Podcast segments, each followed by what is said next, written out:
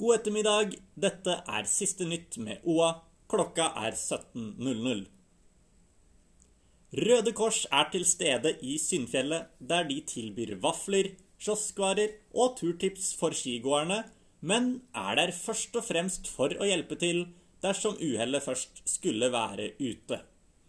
Klikk deg inn på oa.no, der du kan lese hele saken og se de stemningsfulle påskebildene ifra fjellet.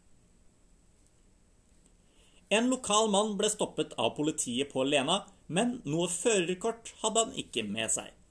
Føreren i 50-årene hadde ikke førerkort, og politiet mistenker at personen kjørte i påvirket tilstand. Føreren av bilen vil bli anmeldt for overtredelsene, melder politiet. Kaninen Albert var som forsvunnet i løse luften da matmor Britt Solheim skulle ut og se til de to kaninene sine. Antageligvis har Albert klart å komme seg ut av buret sitt, for så å ha blitt tatt av en rovfugl.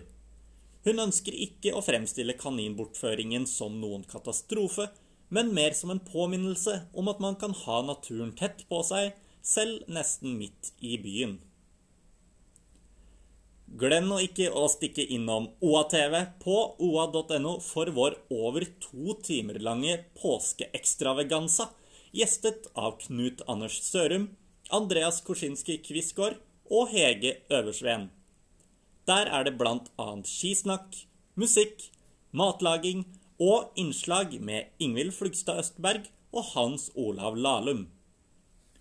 Ha en fortreffelig langfredag videre, og ha en god påske.